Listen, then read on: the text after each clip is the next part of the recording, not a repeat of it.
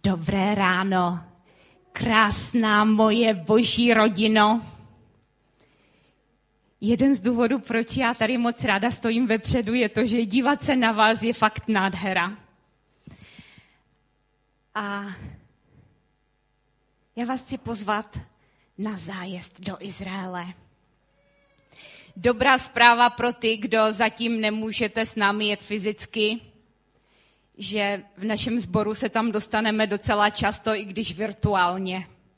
Jo, protože skoro každý týden tam nějak jezdíme a máme možnost vidět obrázky a dozvědět se hodně informací. A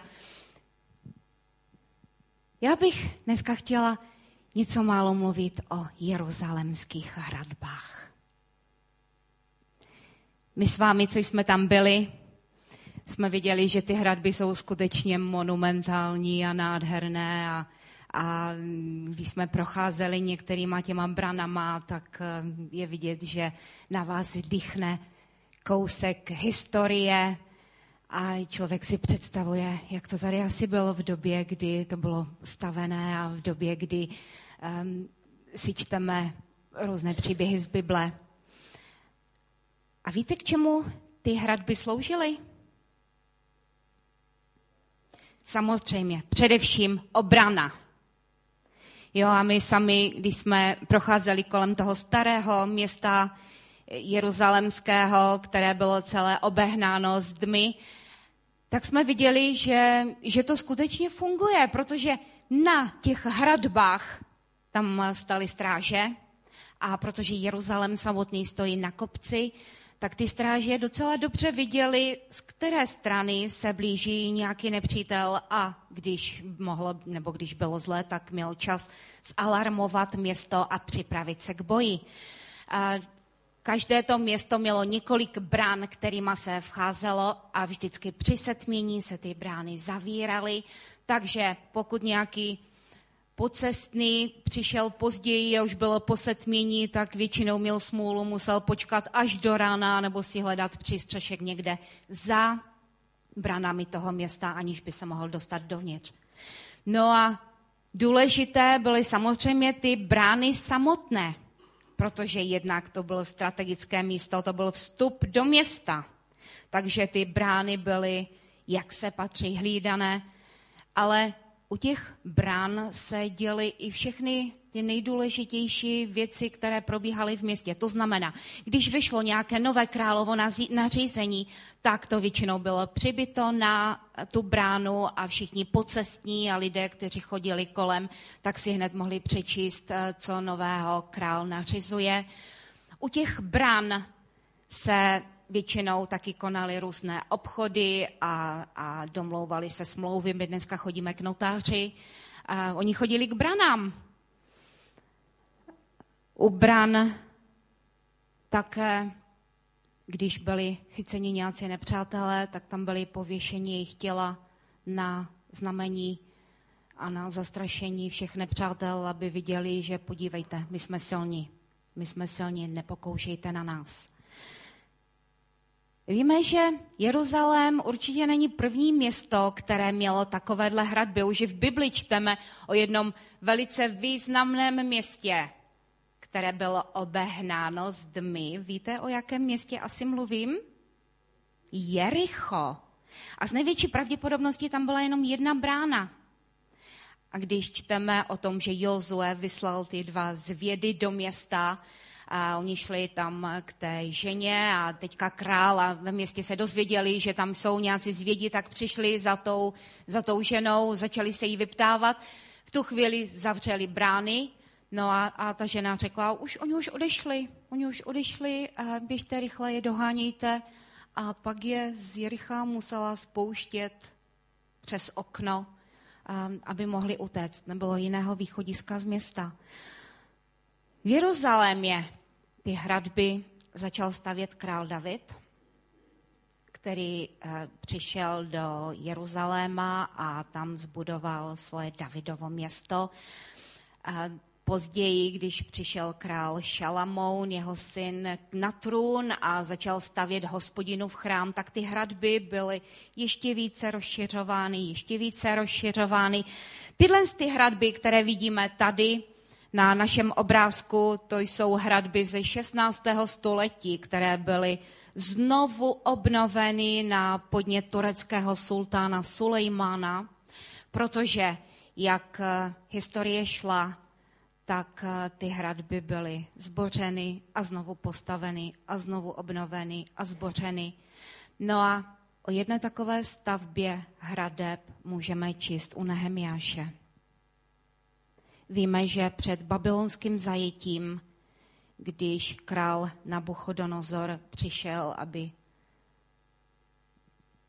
pohltil Izrael pod eh, svou vládu, tak jeruzalemské hradby byly zbořeny. A mě se už velice silně dotýkal to, že když Nehemiáš se dozvěděl o tom, v jak žalostném stavu je Jeruzalém, víte, jaká byla jeho reakce? Hořce plakal.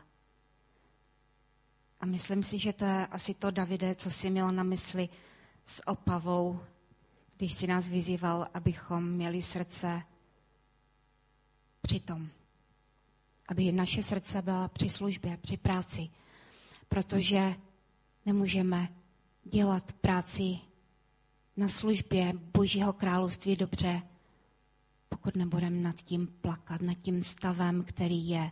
A dokud skutečně nebude hořet v našich srdcích ten oheň touhy něco dělat, něco spravit. U Nehemiáše to bylo tak silné, že se rozhodl dokonce opustit svoje dobré pracovní místo. On byl přímo u krále, měl dobrý plat, měl o život postaráno, bydlel x eh, tisíc kilometrů daleko od Jeruzaléma a mohl si říct, tak eh, já nevím, já se budu modlit, anebo um, jo, tam je asi hodně jiných lidí. Ne, Jeruzalém to, eh, Nehemiáš to břemeno přijal na sebe a poprosil u krále povolení, aby mohl jít do Jeruzaléma a stavět. Ono taky není divu, protože město, které nemá v pořádku hradby, tak je velice citlivé na to, aby nepřítel přišel a napadl. A může to město být sebebohatší a sebekrásnější a můžou tam být zlaté kopule na, na, na chrámech a můžou tam být nějaké fantastické drahatánské zvony. Ale pokud to město není chráněno, tak to je pozvánka pro nepřítele. Přijď a vem. Nehemiáš to věděl. A proto to první, co chtěl dělat v Jeruzalémě, bylo znovu obnovit hradby. Proč o tom mluvím? Protože v přísloví je jeden nádherný verš. Přísloví 25. kapitola 28. verš. Tam je napsáno, město se strženými hradbami je muž, který se neovládá. Město se strženými hradbami je muž, který se neovládá. Co to znamená? Že to je jako pozvánka pro nepřítele, přijď a zaútoč. A my víme, že každý z nás, každý člověk má dary od Boha. Ono v Biblii je napsané u Efeským 4, v, 8 kapitole, v 4. kapitole 8. verše je napsané, že Ježíš vystoupil vzhůru, zajal nepřátele a dal dary lidem. Tam není napsané, že Ježíš dal dary speciálně nadaným. Není napsáno, že Ježíš dal dary těm, které si více zamiloval nebo míň zamiloval. Ne, Bůh nedělá rozdílu. Bůh dal dary lidem. To je úžasná zpráva. To je úžasná zpráva pro každého z nás, protože my můžeme mít jistotu v tom, že každý z nás má dar a každý z nás má svoje místo v nebeském království. Stavěli jste někdy pucle? A hlavně, když už je to 500 anebo tisíc kusů. A byli jste někdy v té situaci, že no prostě tam v pravém rohu nahoře nic nesedí. A máte tisíc možností, respektive už míň, ale těch možností je furt hodně. A vy stavíte a ten, a ten tam nesedí, a ten tam nesedí, a ten tam nesedí. Mi připadá, že Božím království to je stejné. My každý jsme částí takového nádherného božího obrazu, který, když je kompletní, je skutečně monumentální a úžasný. Ale důležité je, abychom se postavili na to místo, kde patříme.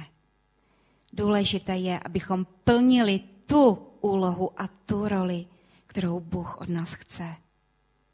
A zbytečně se budeme snažit, abychom se dostali do levého rohu dolu abychom místo nějaké oblohy zezelenali a dělali trávu. Ne.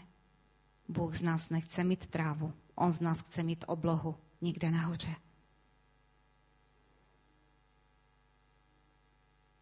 Pán Bůh, když nás stvořil, tak věřím, že se usmíval nad tím dokonalým obrazem, který tvoříme, když jsme všichni takhle spolu krásně uložení a každý stojíme na tom správném místě. A v Bohu je obrovská touha, abychom našli to svoje místo, abychom na to vstali, na to místo vstali.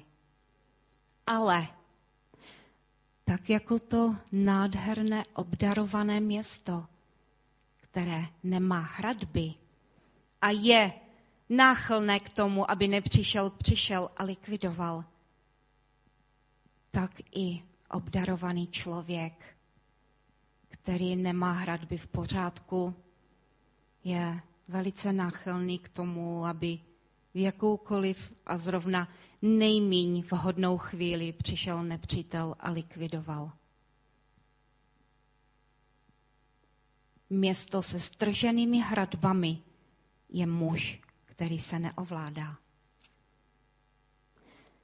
Je to jako město se strženými hradbami. Člověk, který neumí zvládat svůj charakter. Člověk, který neumí zvládat hněv. Člověk, který stále vpadá do sebelítosti anebo píchy. Který je urážlivý. To jsou věci, které strhávají tu hradbu. Co můžeme dělat pro to, aby se to spravilo? stavět hradby. A jak dovolit Bohu, aby On měnil svůj, můj charakter. Člověk sám sebe změnit nemůže. My se můžeme snažit se změnit. My můžeme dělat maximum, ale potom vždycky, když přijde nějaká krize, tak se znova vyleje to, co tam už dávno bylo. Ale když řekneme, pane Bože, já to vidím, já to vidím v sobě a já tě prosím, změň mě. Bože, prosím, dej mi milost k tomu, aby hradba tady na tomhle tom místě mohla být postavena. Tak on to bude dělat. A on to dělá. A on to rád dělá. A jenom tak mimochodem, Víte, jaký je nejlepší způsob, jak se dá změnit blízké lidi kolem nás?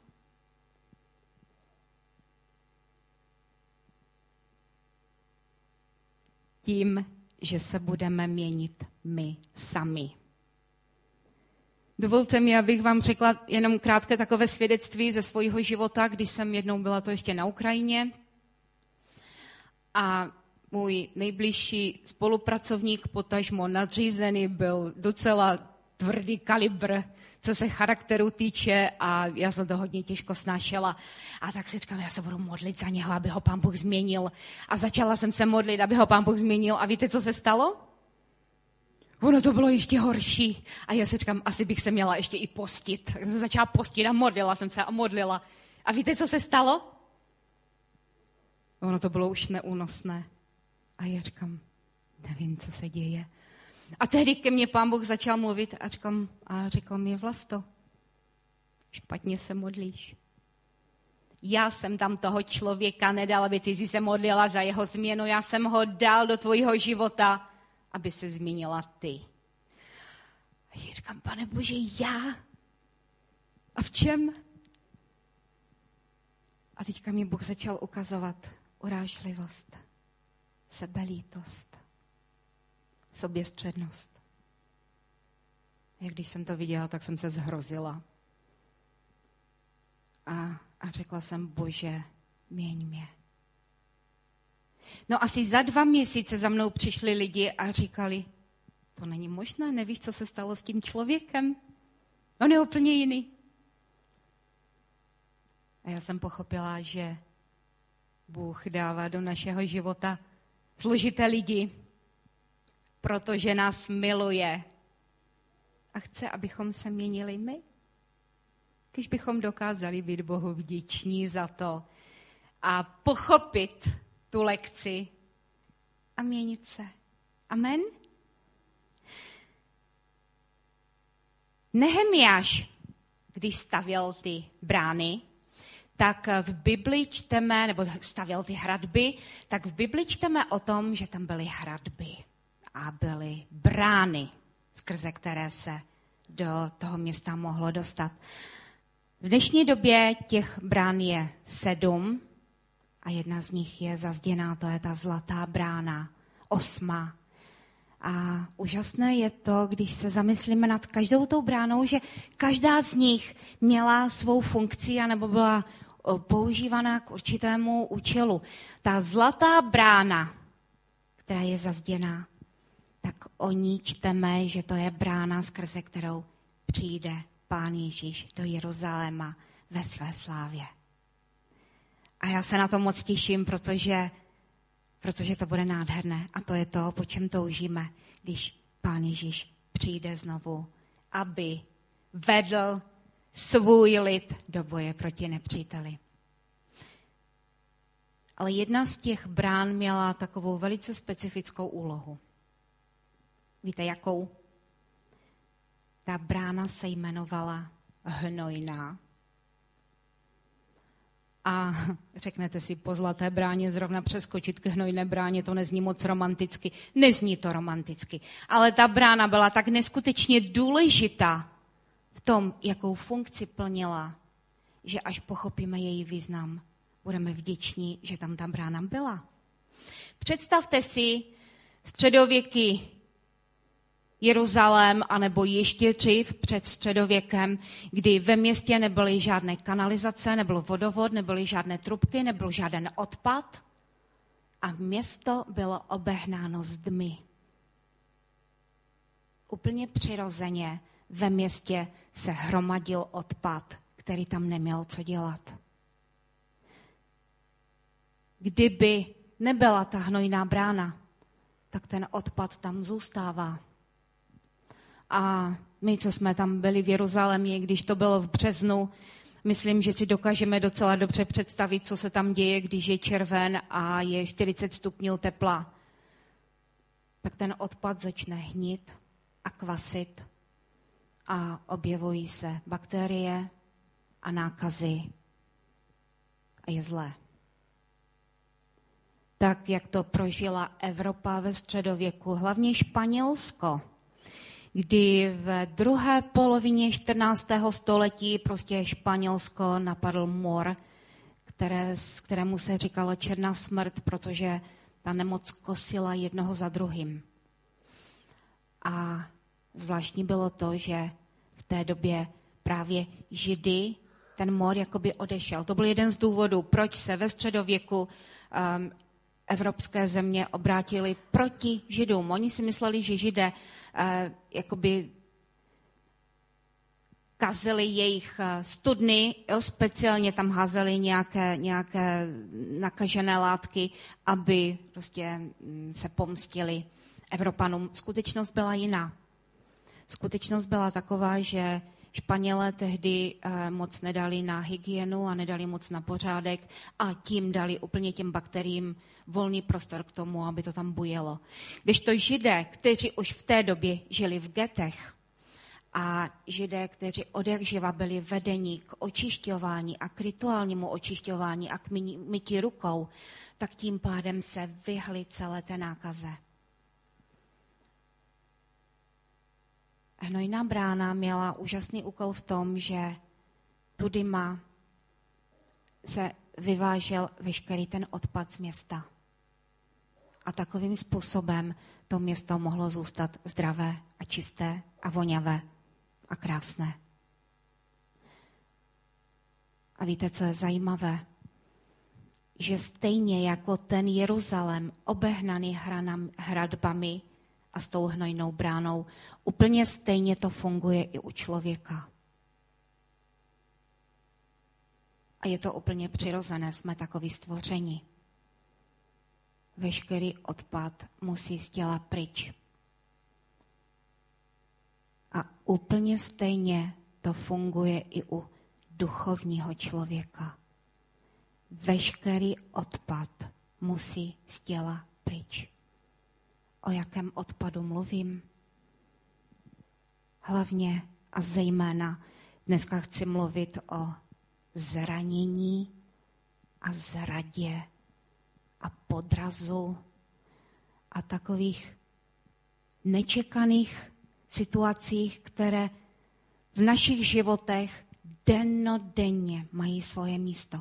Protože my žijeme ve světě, nás obklopují lidi, kteří taky nejsou dokonalí a ať už chtě nebo nechtě, každý z nás býváme v situacích, kdy zažijeme nějaký, jak tomu říkáme, podpásovku, anebo nějakou zradu, anebo nějaký podraz, anebo nějaké obrovské hluboké zklamání. A co s tím? Jak řešit tuhle situaci? Je několik možností, jak se to dá řešit. A před každou konkrétní situaci, o které mluvím, máme na výběr. Jít cestou doprava anebo cestou doleva. Jít cestou odpuštění anebo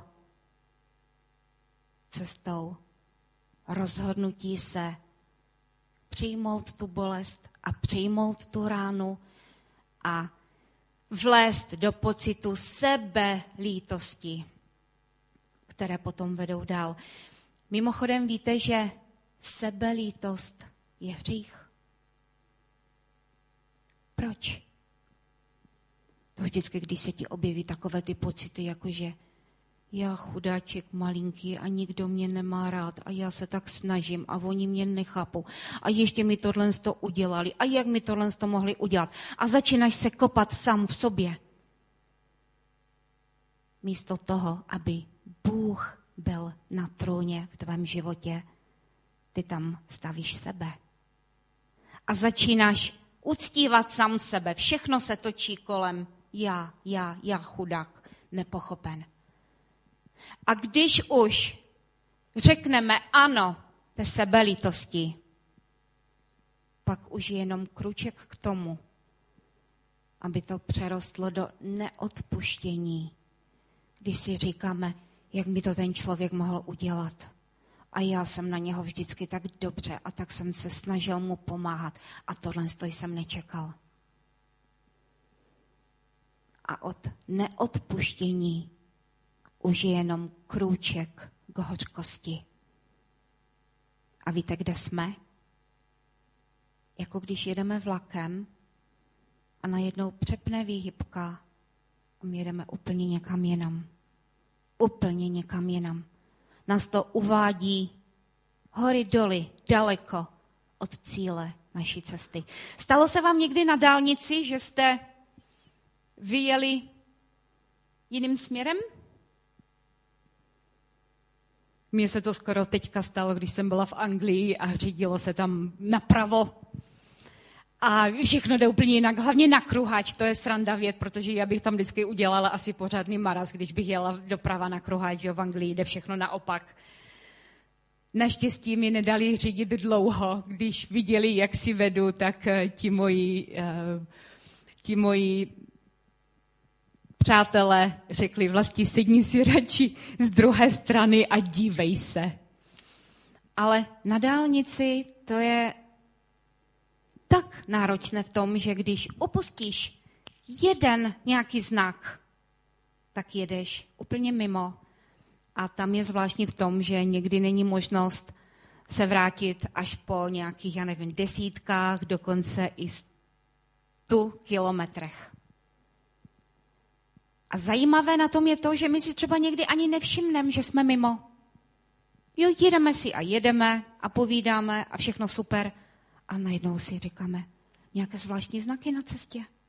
Jo, tohle to přece nemělo být tam, kde jsme původně chtěli jet. Co dělat? Je třeba se vrátit. Je třeba se vrátit. A tak jako s tou hnojnou bránou jediné řešení bylo prostě veškerý ten odpad vyvést za město a tam nechat někde daleko, kde nikomu nebude škodit, tak v našem životě, pokud nevyvezeme to, co v nás je, tak to začne hnít a kvasit. A výsledek je černá smrt, mor, duchovní mor.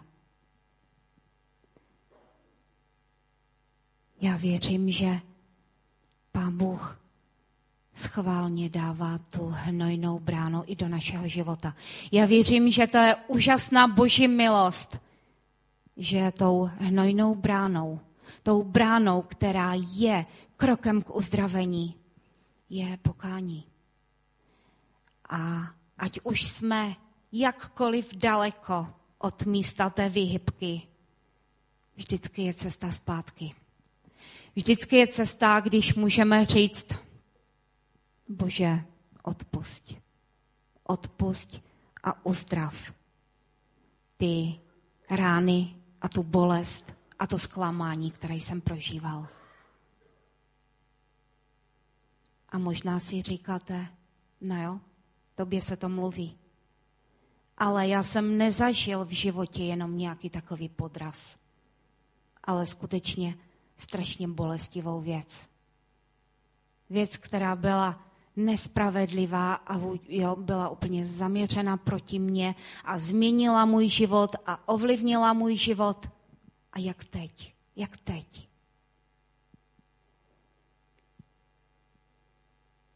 Dovolte mi, abych ukázala na jednu biblickou postavu, která prošla zradou i zklamáním a ví, o čem to je. A tou postavou je Ježíš. Může být ještě větší zklamání, než když tě zradí ti nejbližší co asi prožíval Ježíš, když viděl, že ti učedlníci, které on vytáhl tam někde od, od lodí a od ryb a z celnice a začal je učit a vychovávat a milovat a léčit a měnit. Ten Ježíš, který s nimi dělil chléb i vodu, on s nima i spal a byl s nima od rána do večera a ti jeho nejbližší ho zradili. A když bylo nejhůř, tak se všichni rozprskli a rozotekli. Může být ještě větší zklamání, když ten Ježíš vysel na kříži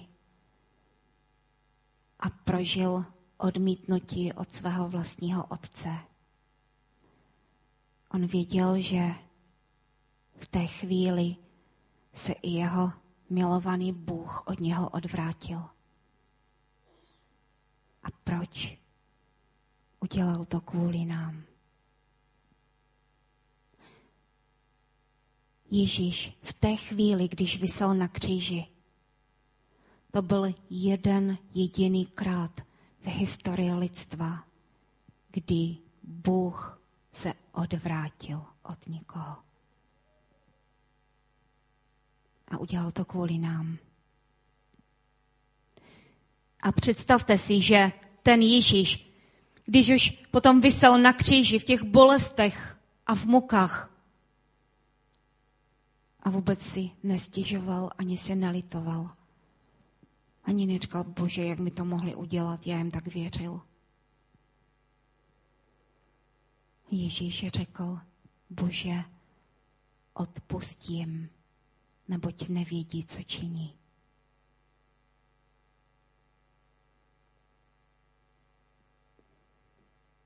Židům ve čtvrté kapitole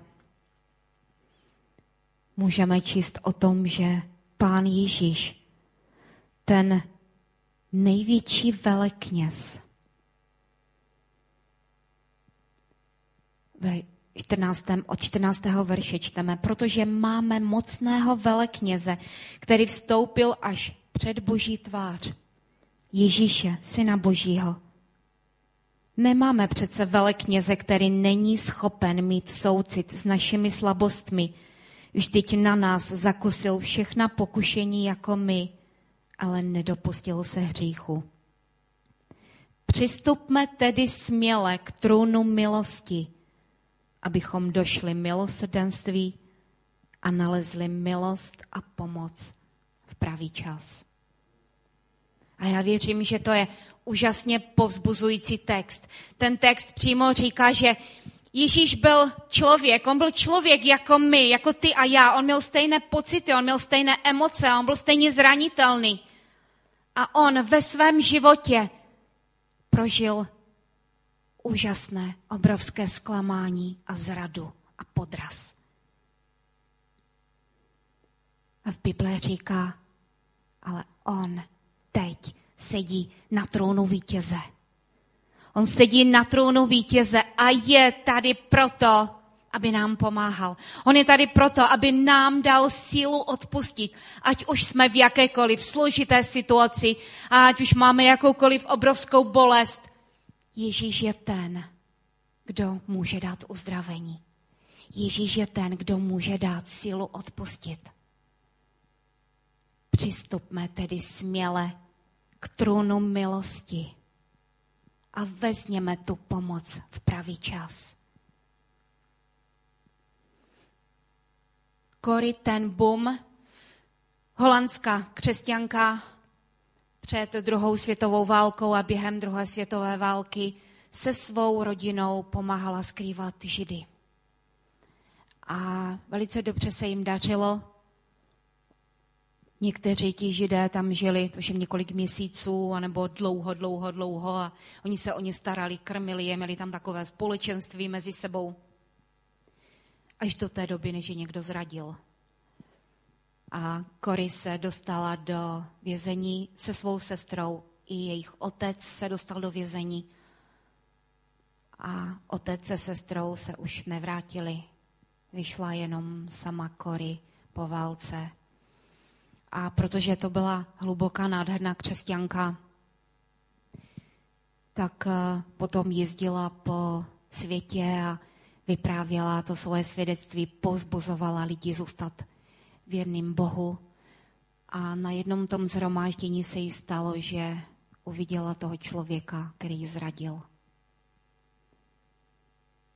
A v té chvíli jakoby ji oblilo studenou sprchou. On šel nadšeně k ní a chtěli podat ruku. A ona teď nevěděla, jestli bude mít sílu mu to ruku dát. Ale v té chvíli se obrátila k Bohu, k Ježíši, k našemu veleknězi. A když už přišla chvilka tomu člověku podat tu ruku, tak Kory úplně nadpřirozeně cítila, že něco tu její ruku zvedlo a ona mu ji dala. A v té chvíli prožila úžasné odpuštění. V té chvíli věděla, že to z ní padlo. V té chvíli věděla, že nemusí mít těžké srdce na toho člověka, i když udělal tolik zlého v jejím životě. Ale věděla, že Bůh je dal sílu odpustit a jít dál. A pro mě to je moc povzbudivé svědectví, protože sami v sobě tu sílu nemáme. Ale máme úžasného velekněze, který je na naší straně, který chce přinést uzdravení, který chce znovu postavit ty hradby kolem našeho města, aby všechny ty dary, které jsou uvnitř, byly chráněny. Který touží potom, aby ten náš pucl, ten náš život se dostal na to správné místo, aby nic nestálo v cestě. V Izraeli jsou dvě velice důležité vodní plochy. Na severu je Galilejské jezero a trošku níže je Mrtvé moře. Víte, jaký je mezi těmi moři, jezery, vodami rozdíl?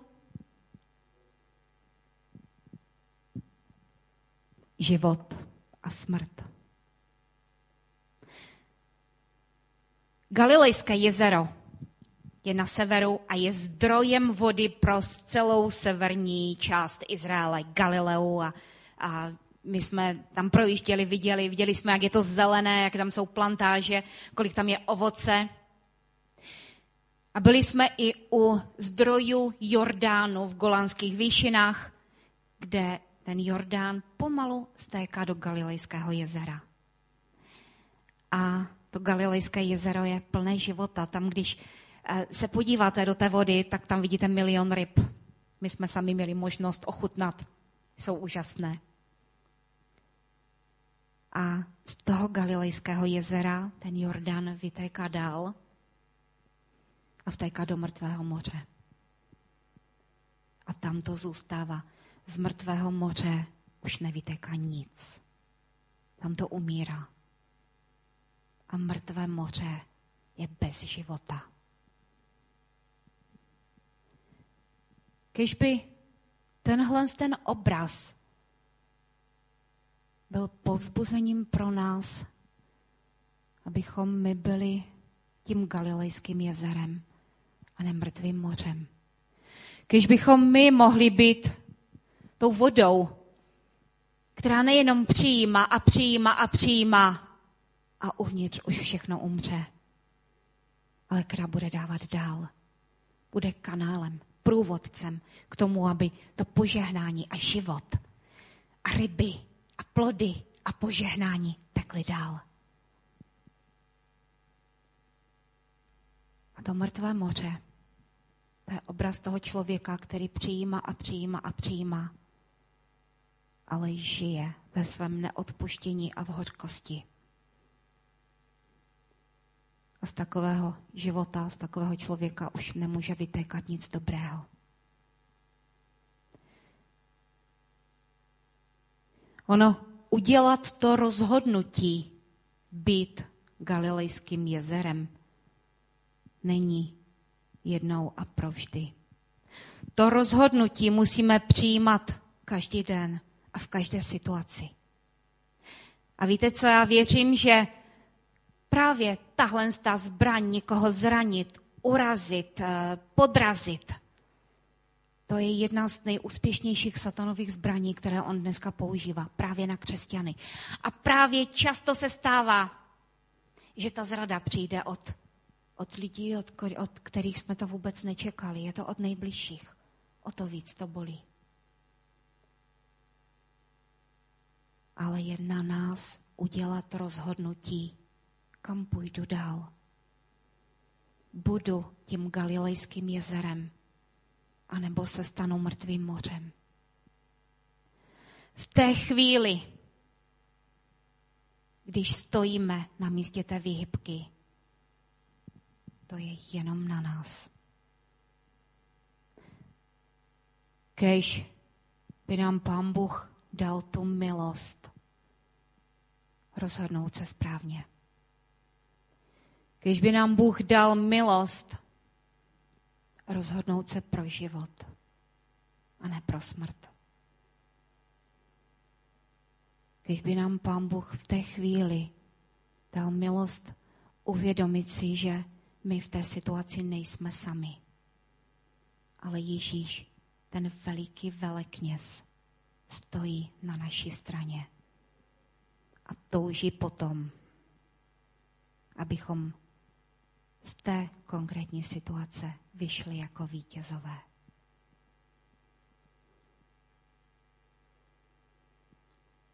Bože Otče,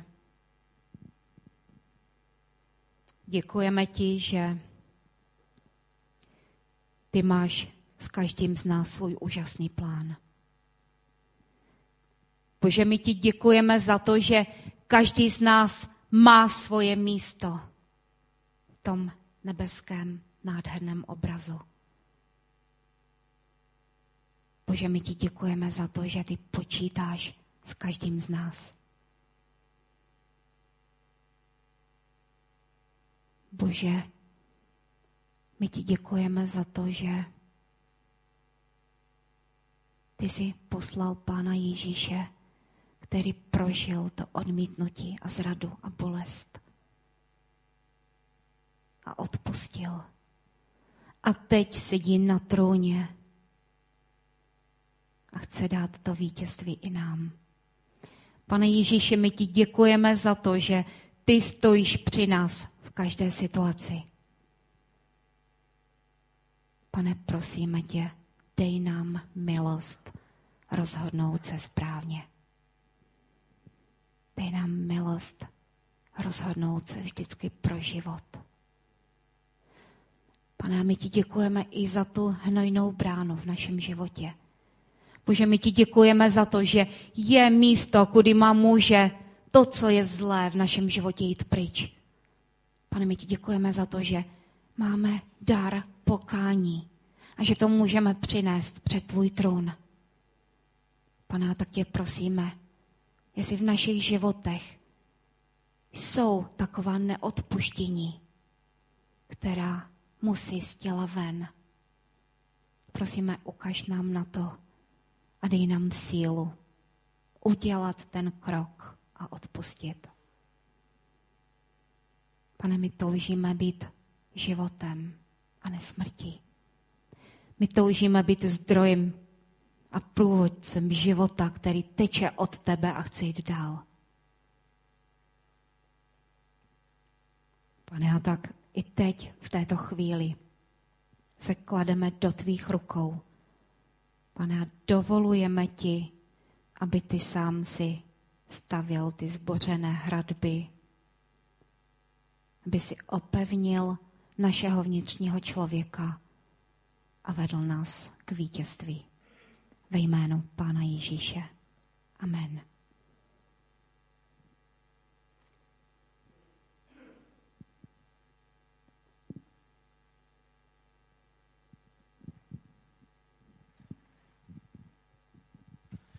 Povstaňme ještě k modlitbě a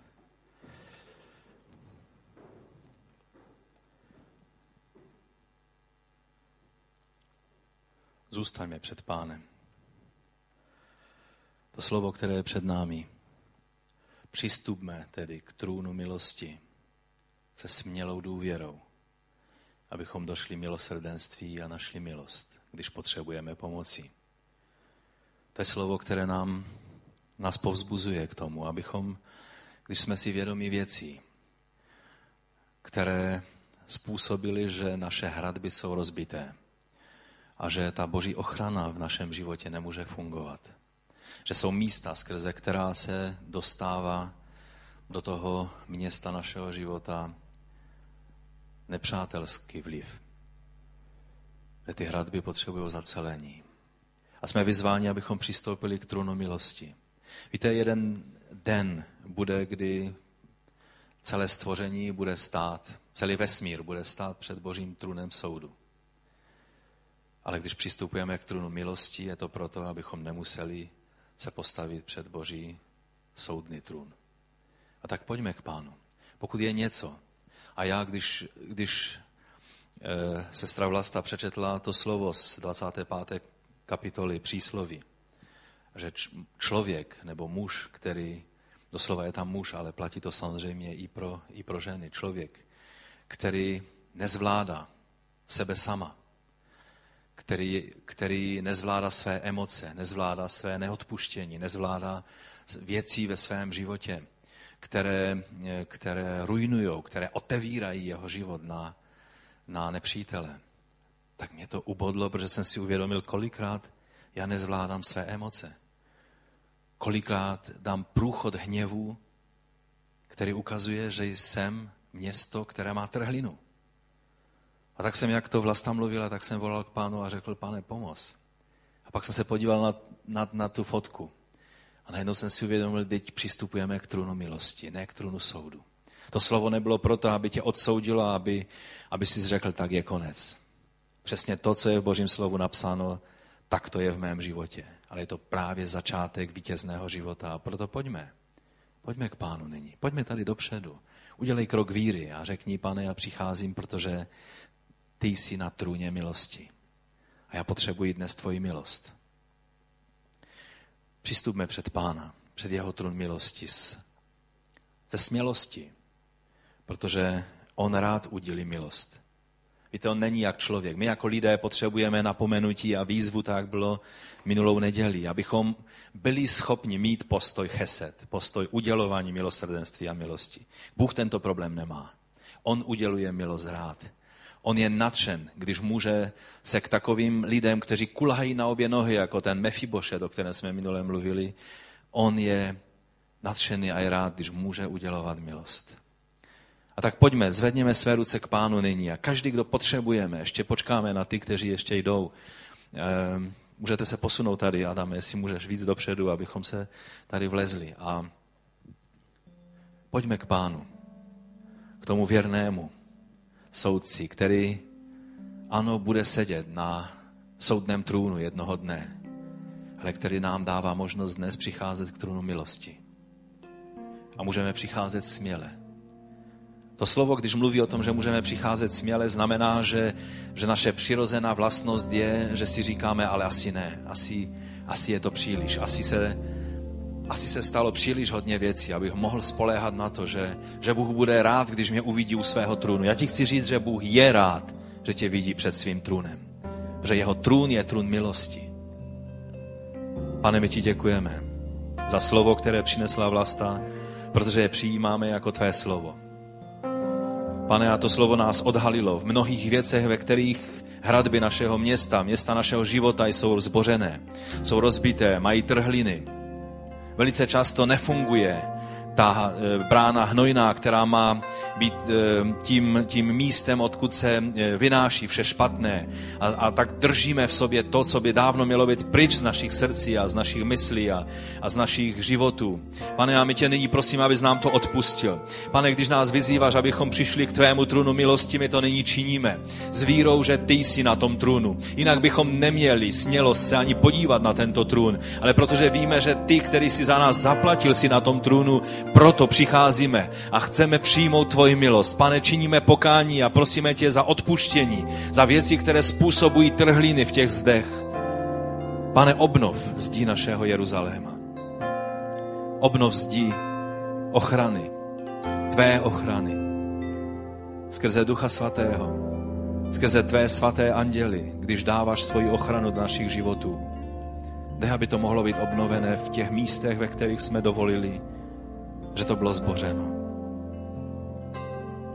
Pane, pro ty z nás, kteří stále nosí neodpuštění a hořkost vůči lidem, kteří jim ubližili, prosím, dej, dej milost odpuštění. Abychom mohli přijmout tvé odpuštění, tak jak odpouštíme my těm ostatním. Pro ty z nás, kteří nezvládají emoce a dávají průchod hněvu, anebo jiným emocím, které nejsou z tebe, ale jsou jsou od toho zlého, pane, odpuzná. Dej, aby emoce nevládly na, na trůnu našeho života, ale abys to byl ty a tvůj pokoj. Pokoj, který převyšuje veškerý rozum lidský. Pane, tam, kde ta trhlina je jednoduše hřích, jakýkoliv hřích, odpust, pane. Dej tvé očištění skrze krev svatou, kterou si prolil. Pane, my se klademe do tvých rukou v této chvíli. Očekáváme na tebe Pane, ke komu jinému bychom s těmi věcmi šli, než k tobě, který jsi věrný v odpouštění. Obnov zdí našeho města. Obnov to, co bylo narušené, co má trhliny, aby mohlo být zaceleno tvou milostí.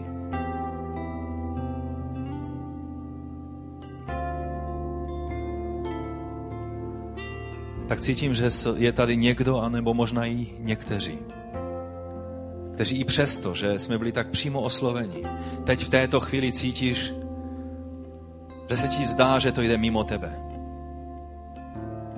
Jako bys měl zeď před sebou, skrze kterou nemůžeš přijmout milost Boží. A říkáš si, pane, pomoz mi, ale zdá se, jako by se to nemohlo stát. Pán ti hovoří, to, co ti brání, není boží neochota tě přijmout, dát ti, tvo, dát ti boží milost, ale je to tvé pochybování, tvá nevíra, která ti brání. A proto věř a budeš spasen. Věř a budeš spasen. Věř a budeš osvobozen od své nečistoty. Věř a budeš osvobozen od trhlin, které jsou ve tvém životě. Věř, protože víra je to, čím můžeš uchopit Boží milost. Není jiného způsobu, ale je to víra, která ti umožňuje, aby si přijal to, co se cítíš být nehoden a oddělen. A jako by se staly věci, které už se nedá vrátit a zdá se ti, že, že už není možné, aby Bůh znovu s natřením nastavil svou náruč a přijal tě. Ale On je ten, který je věrný v odpouštění. Pane, my ti děkujeme. Pojďme ho chválit, zaspívejme nějakou, nějakou píseň vděčnosti. Vzdejme pánu chválu, tak jsme tady vepředu. Prostě zvedněme své ruce k pánu a dejme mu vděčnost za to, že on uděluje milost tam, kde je volání k němu, kde je, kde je přístup smělosti víry. Není to smělost troufalosti, ale je to smělost víry. Smělost víry je pokora. To není pícha, to není sobě spravedlnost, ale to je pokora. Tak přistupme k trůnu milosti a vzdejme Pánu chválu v této chvíli.